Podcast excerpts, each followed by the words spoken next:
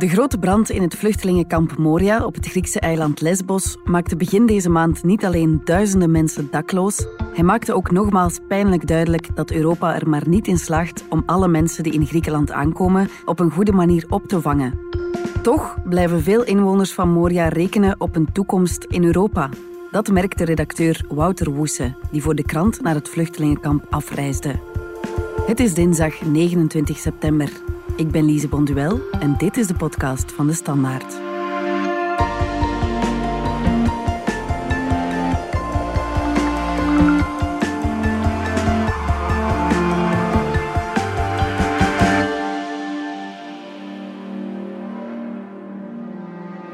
Yeah, Muhammad Ali. Like the boxer. Yeah, Ali Mounye. Eliana. Liliana Eliana. Vous vous appelez comment Yannick. Euh, Y Uh, Can you spell that M-A-S-S-O-U-M-E-H. Uh, my name is Ehsan and uh, I'm 18 years From, old. uh, from Gambia, you're Gambia. 35 Oui, old. moi c'est Hugues Landry, je suis Camerounais. And the daughter is E E-L-S-A-N-A. L-S-E en E. Een week na de brand, op eh, donderdag 17 september, ben ik voor zonsopgang naar de straat gegaan waar die mensen sliepen. Die straat was afgezet door de politie. Als journalist kon je daar enkel komen via een omweg door de heuvels daaromheen.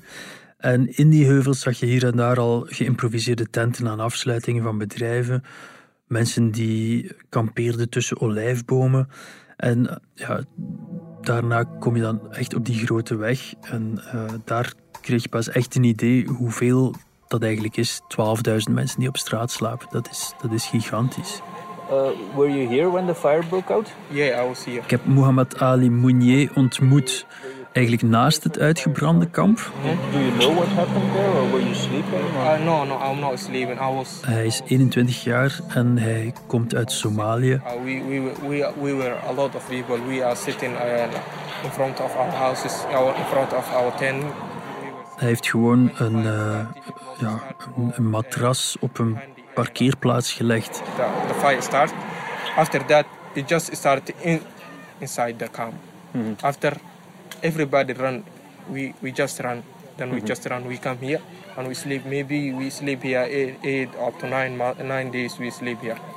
Ik heb al vaker mensen gezien die na een ramp op straat moesten slapen, maar nog nooit zoveel. 12.000, dat is ehm, de omvang daarvan. Is, dat is honderden meters met mensen die in geïmproviseerde tentjes langs de weg slapen.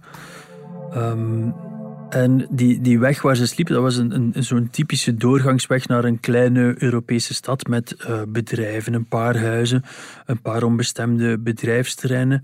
En die mensen sliepen daar langs, langs tankstations, in wegbermen, op, op parkeerterreinen van supermarkten ook. En hoe zijn die mensen daar terechtgekomen? Een van de kortste wegen om met een bootje Europa te bereiken, dat is van de Turkse kust naar het Griekse eiland Lesbos. Dat is maar een paar kilometer. Daardoor komen op Lesbos al jaren heel veel vluchtelingen aan. De laatste jaren komen die vooral uit, uit Afghanistan en uit Afrikaanse landen zoals Congo, Somalië, Cameroen. En vroeger reisden die mensen gewoon door naar het Europese vasteland en zo naar het land waar ze asiel wilden aanvragen. Maar sinds 2015 kan dat niet meer. Sinds die tijd worden ze vastgehouden in kampen op de Griekse eilanden, zoals op Lesbos. En dat duurt tot een asielaanvraag wat verder geëvolueerd is.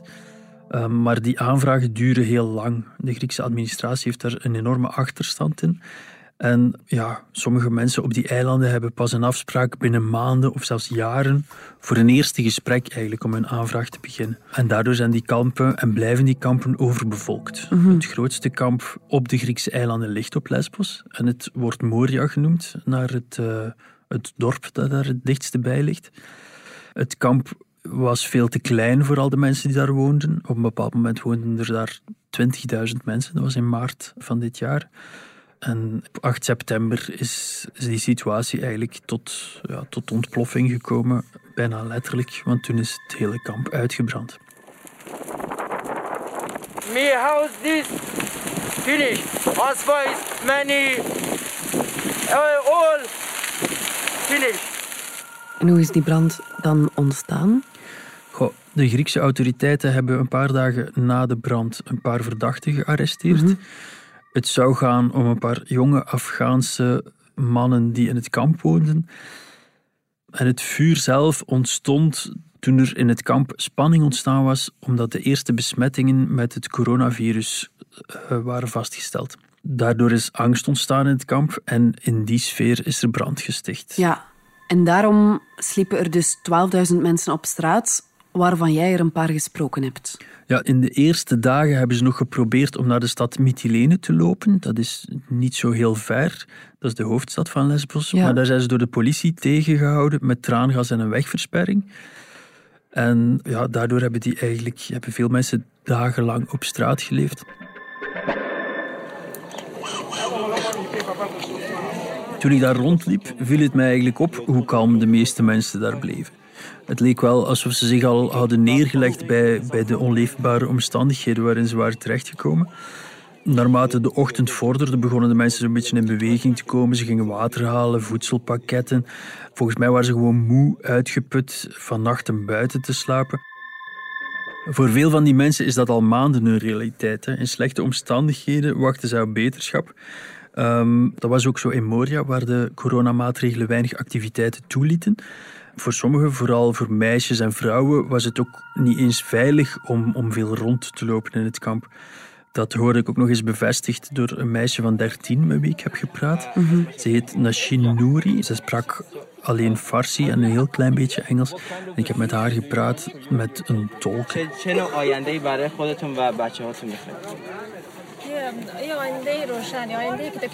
Ze komt uit Afghanistan en eh, ja, ze wil heel graag naar school gaan. Eh, ze wil later tolk worden. I want a bright future for my, for my family. Uh, I want something that it wasn't possible in my country. Maar de realiteit was dat ze in het kamp ja, vooral in een tent heeft gezeten en daar toch ook ernstig onder geleden heeft. Mm. Daarna vroeg ik, hoe voelde je je daarbij? En daar heeft ze eigenlijk het woord aan haar moeder gelaten. En haar moeder heeft dan verteld dat ze eigenlijk zich zo slecht had gevoeld dat haar moeder op zoek was gegaan naar psychologische hulp. They went to psychologists and they said, uh, we don't have time for now. Die wordt ook wel aangeboden, vooral door NGO's in dat kamp. Maar ook daar was een, een wachtlijst voor. En zij is nooit bij een psycholoog geweest in de, in de zes maanden, denk ik, dat ze al in, in Moria woonde. And uh, second of all, she said, uh, how long should I stay in this situation? How, how long should I suffer and be under such circumstances?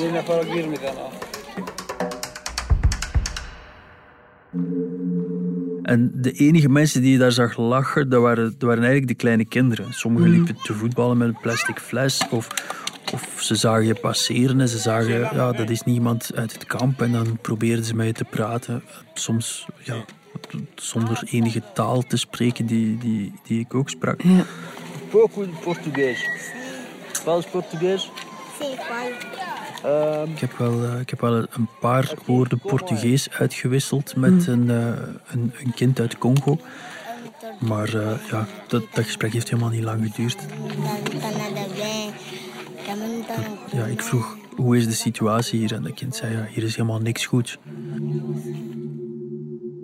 En die ouders, hebben die genoeg middelen om hun kinderen te onderhouden? De mensen die in het kamp op Lesbos verblijven, die krijgen een kleine financiële tegemoetkoming ter compensatie van de omstandigheden waarin ze gehuisvest zijn. Ja.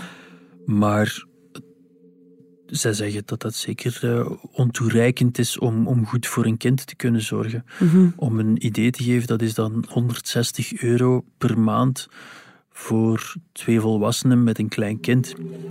C'est possible de vivre avec 160 Vous avez ça Non, c'est même pas possible, c'est insuffisant. Ik heb daarvoor, daarover gesproken met Yannick en Priscille Mouchiken, een koppel uit Congo. Euh, les couches, on les donne pas aussi constamment. Donc il faut acheter les couches pour l'enfant, le lait de beauté. Ça ne marche pas. La nourriture, ce qu'ils nous donnent là, on n'arrive même pas à manger. Nu, die mensen zitten daar, ze mogen niet naar de stad. Waar moeten die mensen dan naartoe? Uh, kort na de brand is de Griekse overheid begonnen met de bouw van een nieuw kamp, vlak langs die weg waar al die mensen lagen te slapen. En de dag dat ik op Lesbos aankwam, is de politie eigenlijk met een grote operatie begonnen om iedereen daar naartoe te brengen. Mhm.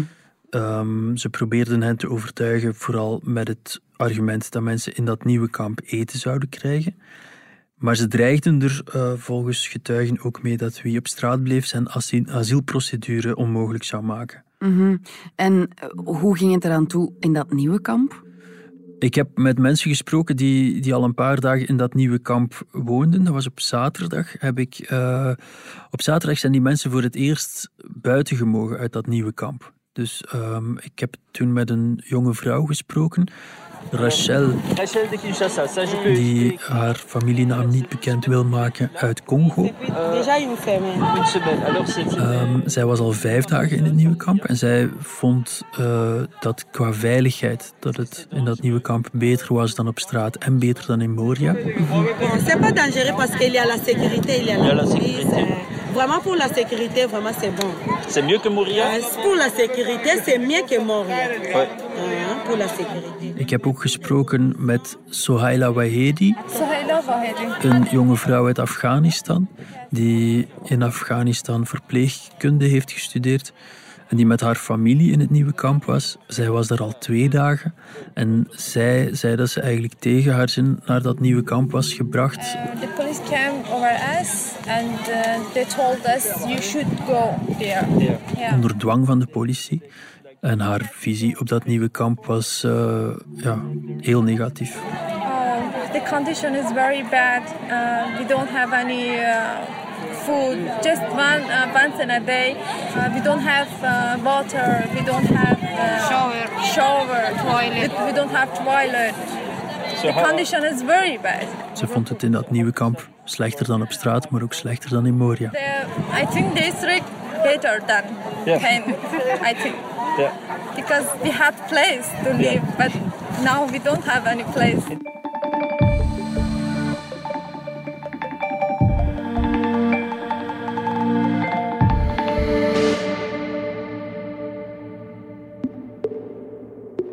Je zei ook dat de brand uitbrak nadat in het kamp de eerste coronabesmettingen werden vastgesteld.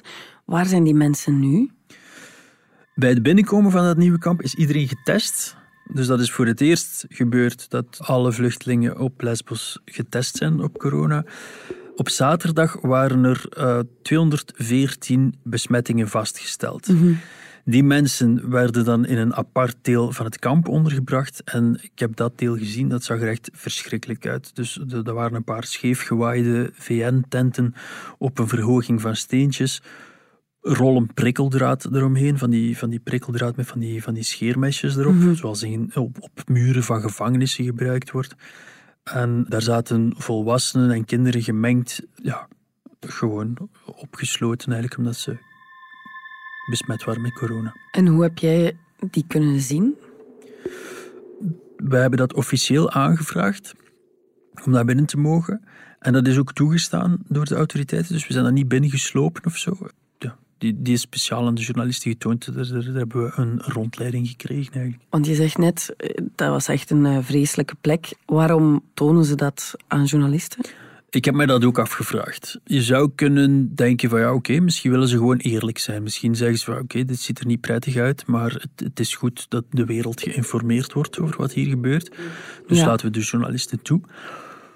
Dat kan. Ehm, er was weinig tijd om iets beters te bouwen. Ja, misschien wilden ze dat gewoon toegeven. Mhm. Maar je kunt ook andere verklaringen bedenken. Als je het Europese grenzenbeleid van na 2015 ziet, valt het op hoe onaantrekkelijk alles eruit ziet. Mhm. En dat lijkt wel een bewuste strategie om aan mensen in Afghanistan en andere landen te tonen dat het hier niet heel prettig is. Dus Mhm. dat, het, dat het misschien niet zo interessant is om naar hier te komen. Mhm. Er zijn wel ernstige twijfels of dat ook werkt. Ja. Die mensen blijven toch wel komen. Maar misschien is het ook bedoeld voor Europese ogen, eh, zodat Griekse en andere Europese kiezers zien dat vluchtelingen het hier niet al te knus krijgen. Dat kan politiek nuttig zijn als je ervan uitgaat dat de gemiddelde Europese kiezer bij die beelden niet denkt: verdorie, we moeten die mensen beter kunnen helpen. Maar eh, het is best mogelijk dat mensen liever willen zien hoe streng tegen vluchtelingen wordt opgetreden. Dat precies die corona-afdeling werd getoond, kan ook een geruststelling zijn voor de bevolking op Lesbos. Die ziet dat vluchtelingen met corona van de straten gehaald zijn en achter een dubbele rij prikkeldraad worden verstopt. Er zijn op Lesbos al sinds maart Grieken die positief testen. Maar misschien is de bevolking daar ja, banger voor een vluchteling met corona. Want hoe staat de plaatselijke bevolking nu eigenlijk tegenover die vluchtelingen? Van 2012 tot 2015, toen onder meer door de oorlog in Syrië steeds meer vluchtelingen via Lesbos naar Europa kwamen, was wellicht een groot deel van de bevolking onverschillig tot misschien zelfs positief. Sommige mensen zijn heel genereus geweest in die jaren. Um, mensen, de vluchtelingen kwamen toen echt met, met honderden per dag aan in de zomer van 2015. Zij werden daar geregistreerd en na één dag konden ze al de veerboot nemen naar het vasteland. Ja. Onderweg werden zij geholpen door internationale vrijwilligers, maar ook door de lokale bevolking. Ja, dus de mindset was heel open. De mindset bij sommigen zeker was heel open, Ja. maar ook bij die mensen is de sfeer een beetje gekeerd. Ja. En dat is gebeurd omdat de regels eigenlijk veranderd zijn. De vluchtelingen konden niet meer zo snel weg. Na 2015 is beslist dat de vluchtelingen niet zomaar weg konden van die eilanden, waardoor ze er veel langer bleven zitten. Waardoor dat kamp groeide tot er meer dan 10.000 mensen zaten en in maart van dit jaar tot 20.000.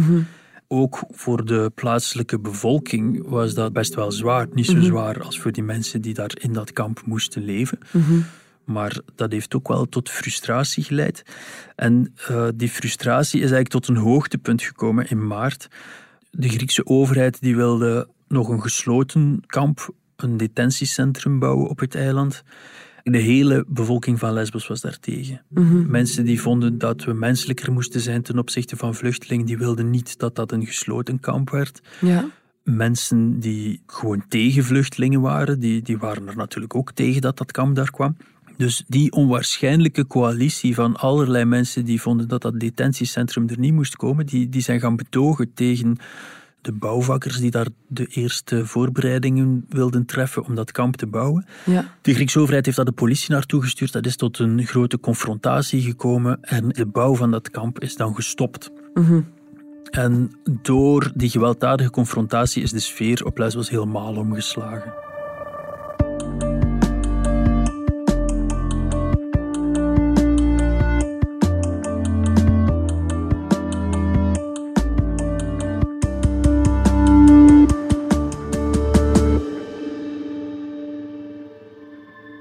It's unthinkable that this Europe in 2020 still does not have a proper, single, cohesive migration and asylum policy. We hope that today is the beginning of a process that will take us there. Dit is Margaritis Skinas, de Griekse eurocommissaris belast met migratie. De Europese Commissie heeft nu haar nieuwe Europese migratiepact voorgesteld. Dat moet een antwoord bieden op de migratiepolitiek binnen Europa. Wat houdt dat juist in? Ehm, het is nog afwachten wat dat pact in de praktijk helemaal zal betekenen. Mhm. Eh, maar ja, daar staan zaken in die misschien hoopvol zouden kunnen zijn. Het zou er onder meer voor moeten zorgen dat de asielaanvragen in Griekenland sneller verlopen. De meerderheid van de mensen op die Griekse eilanden zijn vluchtelingen waarvan je mag aannemen dat ze volgens het internationaal recht in aanmerking komen voor asiel. Asielprocedures moeten grondig zijn en, en mogen niet overhaast gebeuren. Ja. Maar ik ken mensen die in Griekenland in een kamp zitten en die vertellen dat ze een eerste afspraak hebben voor een gesprek over hun asielaanvraag in 2023. Er is geen enkele goede reden om mensen zo lang te laten wachten op een eerste gesprek. Dat heeft niks te maken met grondigheid, maar met een achterstallige verwerking Ja. van de aanvragen. Dus dat zou goed zijn als dat aangepakt wordt. En als dat pact daar beterschap in kan brengen, dan, eh, dan is dat winst, denk ik. Maar er zijn ook onderdelen van het pact die nu al kritiek krijgen. NGO's, zoals Amnesty International, zien het pact als een soort verderzetting van een beleid dat nu al rampzalig is gebleken. Dus vragen zich af waarom wordt er niet iets radicaal nieuws gedaan. Maar er zijn ook Europese lidstaten die nu al kritiek hebben geuit op het pact. Onder meer Hongarije vindt dat er niet moet geïnvesteerd worden in mensen die in Europa terechtgekomen zijn. Viktor Orban vindt dat mensen vooral buiten Europa gehouden moeten worden.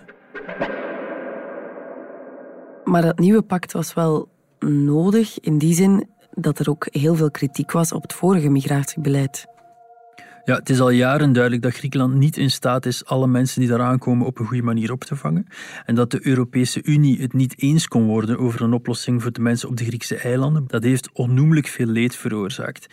En je zou de brand op Moria als een, als een dieptepunt kunnen zien. Mhm. En hoe zal dit dan verder evolueren? Het zou goed zijn voor Europa als er een einde gemaakt wordt aan de achteloosheid waarmee nu omgesprongen wordt met de mensen die klaar zijn om iets van hun leven te maken, om te studeren, te werken, een rol te spelen in onze samenleving, maar die we nu ja, eindeloos laten wachten in bijzonder slechte omstandigheden. Because uh, now I am only for 22 years only, I have a I have more opportunity in my life for the rest of my life because you, you know I am still I'm young, you know. I would like to, to learn something because learn is better than the, the learn. You know, there is a prophet which says, learn today in tomorrow. You know, learn today in tomorrow. Wouter Hoese, bedankt. Graag gedaan. Dit was de podcast van De Standaard. Bedankt voor het luisteren. Wil je reageren? Dat kan via podcast.standaard.be. Alle credits vind je op standaard.be-podcast. De extra geluidsfragmenten komen van Reuters. Morgen zijn we er opnieuw.